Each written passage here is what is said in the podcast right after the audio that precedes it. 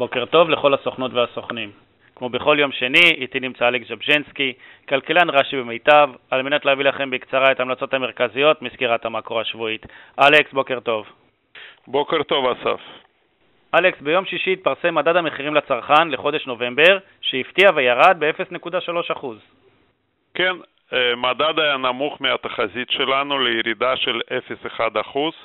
מה שהפתיע היה סעיף הדיור שירד שוב פעם, פעם שנייה ברצף, שזה מדובר בשכר דירה, אני אזכיר, ונסיעות לחו"ל ירדו קצת יותר ממה שחשבנו. בסך הכל המדד הזה משקף תקופת המלחמה. גם סעיף הדיור, שהוא מושפע מאוד מגיוס מילואים, מושפע מזה שאנשים אה, בורחים קצת מהדירות בלי ממ"ד, שזה רוב הדירות המושכרות בתל אביב, גם מזה שאין תיירים, אה, הוא מושפע מאוד מהמלחמה. בסך הכל סביבת האינפלציה מאוד מאוד מתונה כרגע. במבט קדימה אנחנו צופים אה, אינפלציה של 2.4% ב-12 חודשים הקרובים, כאשר המדדים הקרובים עדיין צפויים להיות נמוכים. חוץ מזה, היו בישראל עוד כמה נתונים מעניינים, לדוגמה, אה, נתונים על פעילות של הזרים בחודש אוקטובר, חודש הראשון של המלחמה, מסתבר שהזרים מכרו מניות בישראל בקרוב ל-0.9 מיליארד דולר. זה סכום גבוה לחודש אחד. אה, הלכתי אחורה ומצאתי שרק ברבעון רביעי של 2020, ברבעון כולו הם מכרו סכום אה, דומה. אה, דבר נוסף, הם קנו דווקא אג"ח, חוץ מהמכ"מים, הם קנו אג"ח בישראל בסכום של 1.3 מיליארד אה, דולר, זאת אומרת, יש פה ביטוי של אימון בשוק האג"ח, אבל פחות בשוק המניות. אלכס, מהי אם כן תחזית הריבית שלך, ובהמשך לכך, מהי המלצתך לשוק האג"ח? המדד השלילי הוא בעצם אה, גורם לכך שהסיכוי שבנק ישראל יתחיל להוריד ריבית כבר בתחילת ינואר אה, עלה מאוד, אני לא יכול להגיד שהוא בטוח, שזה בטוח, אבל uh, סיכוי מאוד גבוה. גם לפני זה חשבנו ככה ורק התחזקנו בהערכה הזאת. ההורדת ריבית בתחילת ינואר היא תהיה כנראה הורדה אחת בסדרה של הורדות ריבית שיתחיל בנק ישראל.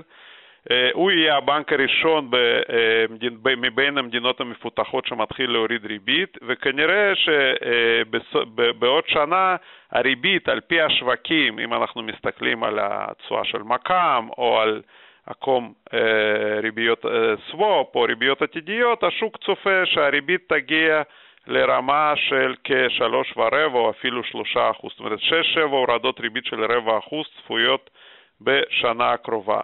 אנחנו חושבים שסביר יותר לראות קצת פחות הורדות ריבית, אולי לרמה של שלוש וחצי.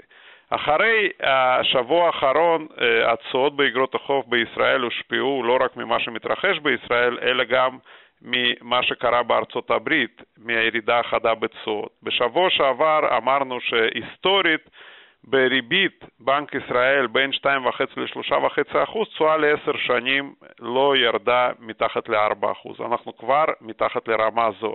אם נוסיף לזה סיכונים של ישראל, סיכון uh, פיסקלי, סיכון מלחמה, uh, וגם הערכה קצת מוגזמת בעינינו להורדת ריבית הפד, במצב הזה נראה שהתשואות כבר נמוכות מדי, ולכן המלצנו אה, על קיצור מח"מ עתיק ממח"מ בינוני ארוך למח"מ בינוני. בנוסף, בציפיות האינפלציה הנוכחיות, שהן נמוכות מאוד, המלצנו להגדיל חשיפה לצמודים. באפיק הקונצרני אנחנו ממליצים על חשיפה שמרנית, המרווחים שם נמוכים מדי, זאת אומרת, גם מבחינת גודל החשיפה וגם מבחינת דירוגים, אנחנו ממליצים על דירוגים גבוהים יותר. אלכס, לטענתך תגובת השווקים להחלטת הפד, במיוחד של שוק האג"ח, הייתה קיצונית מדי. מדוע? תגובת השוק, במיוחד שוק האג"ח להחלטה ריבית של הפד, הייתה להערכתנו מוגזמת. נכון שהפד הפסיק לדבר על עוד העלאות ריבית, למרות שלא לגמרי אגב, ונכון שהוא הוריד תחזית לריבית בסוף 2024, אבל לא היה בזה הרבה חדש. עוד בתחזיות שהוא פרסם בחודש מרץ ויוני השנה, היו תחזיות דומות לריבית בסוף 2024, ולכן השינוי היה רק ביחס למסר הנצי מאוד שיצא ממנו בחצי שנה האחרונה, במיוחד אה, בישיבת הריבית בחודש ספטמבר, שהוא ציפה לעוד עליית ריבית אחת. האמת שאף אחד לא חשב שהוא יעלה, יעלה ריבית שוב. ולכן בסך הכל הייתה מוצדקת תגובה, אבל לא תגובה כל כך חזקה כמו שראינו בשוק אגרות החוב עם ירידת תשואות בשיעורים גדולים מאוד לאחר האירוע. נכון להיום נראה לנו שהפד, מה שנקרא, התחבר למציאות, ההערכות שלו לשלוש הורדות ריבית בשנת 2024 נראות לנו מציאותיות יותר. לעומת זאת, השוק, אה, אנחנו מדברים על החוזים על הריבית שצופים שש הורדות ריבית, נראה לנו קצת רחוק מהמציאות, מכיוון שנכון להיום לפחות, הסיבה שבגללה הפד צריך להוריד ריבית זאת הירידה באינפלציה. אין פה איזה משבר בכלכלה, אנחנו רואים נתונים כלכליים עדיין טובים. ברבעון רביעי צפויה צמיחה של כ-2.5% על פי הנתונים האלה. ואם זו, אם הסיבה להורדת ריבית זאת האינפלציה, אין לו מה למהר. הוא יכול להתחיל להוריד ריבית בעוד כחצי שנה, אה, חמישה חודשים, ולהוריד בקצב מתון. אה, בנסיבות כאלה הוא לא צריך לרוץ ולהוריד ריבית כמעט כל פגישה כמו שהשוק צופה, ולכן נראה שמבחינת אה, ההערכות שלנו, הפד צודק יותר בתחזיות שלו. אלכס, מה אם כן המלצתך לשוק המניות?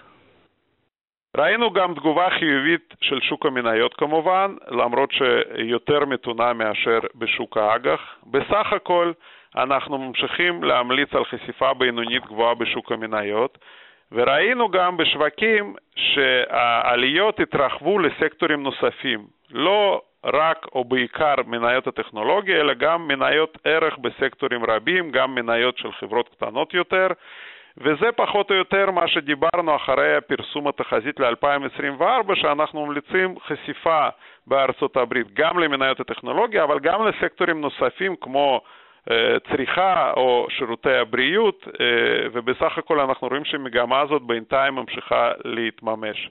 עוד נקודה שנגענו בה בסקירה האחרונה, שגם היא הייתה כבר בתחזית ל-2024, זה חיזוק להמלצה למניות בשווקים מתעוררים, בפרט למניות באסיה אה, חוץ מסין. אלכס, תודה רבה. אציין שניתן לקבל את סקירת המקרו המלאה במייל על פי בקשה בפנייה למוקד המקצועי. תודה לכולם, נשתמע ביום שני בשבוע הבא. יום טוב ושבוע טוב.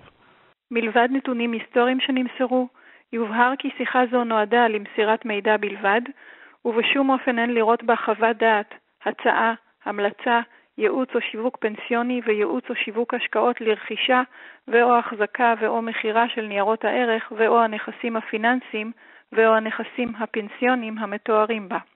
המידע והנתונים בשיחה זו אינם מתיימרים להכיל את כל המידע הדרוש למשקיע ו/או חוסך פוטנציאלי, ואינם מתיימרים להוות ניתוח מלא של כל העובדות והפרטים המופיעים בו.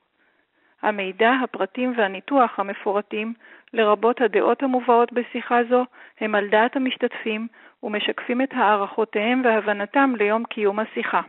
תודה. בזאת הסתיימה שיחת הוועידה עם אלכס ז'בז'ינסקי, כלכלן ראשי מבית ההשקעות מיטב. תודה על השתתפותכם והמשך יום נעים.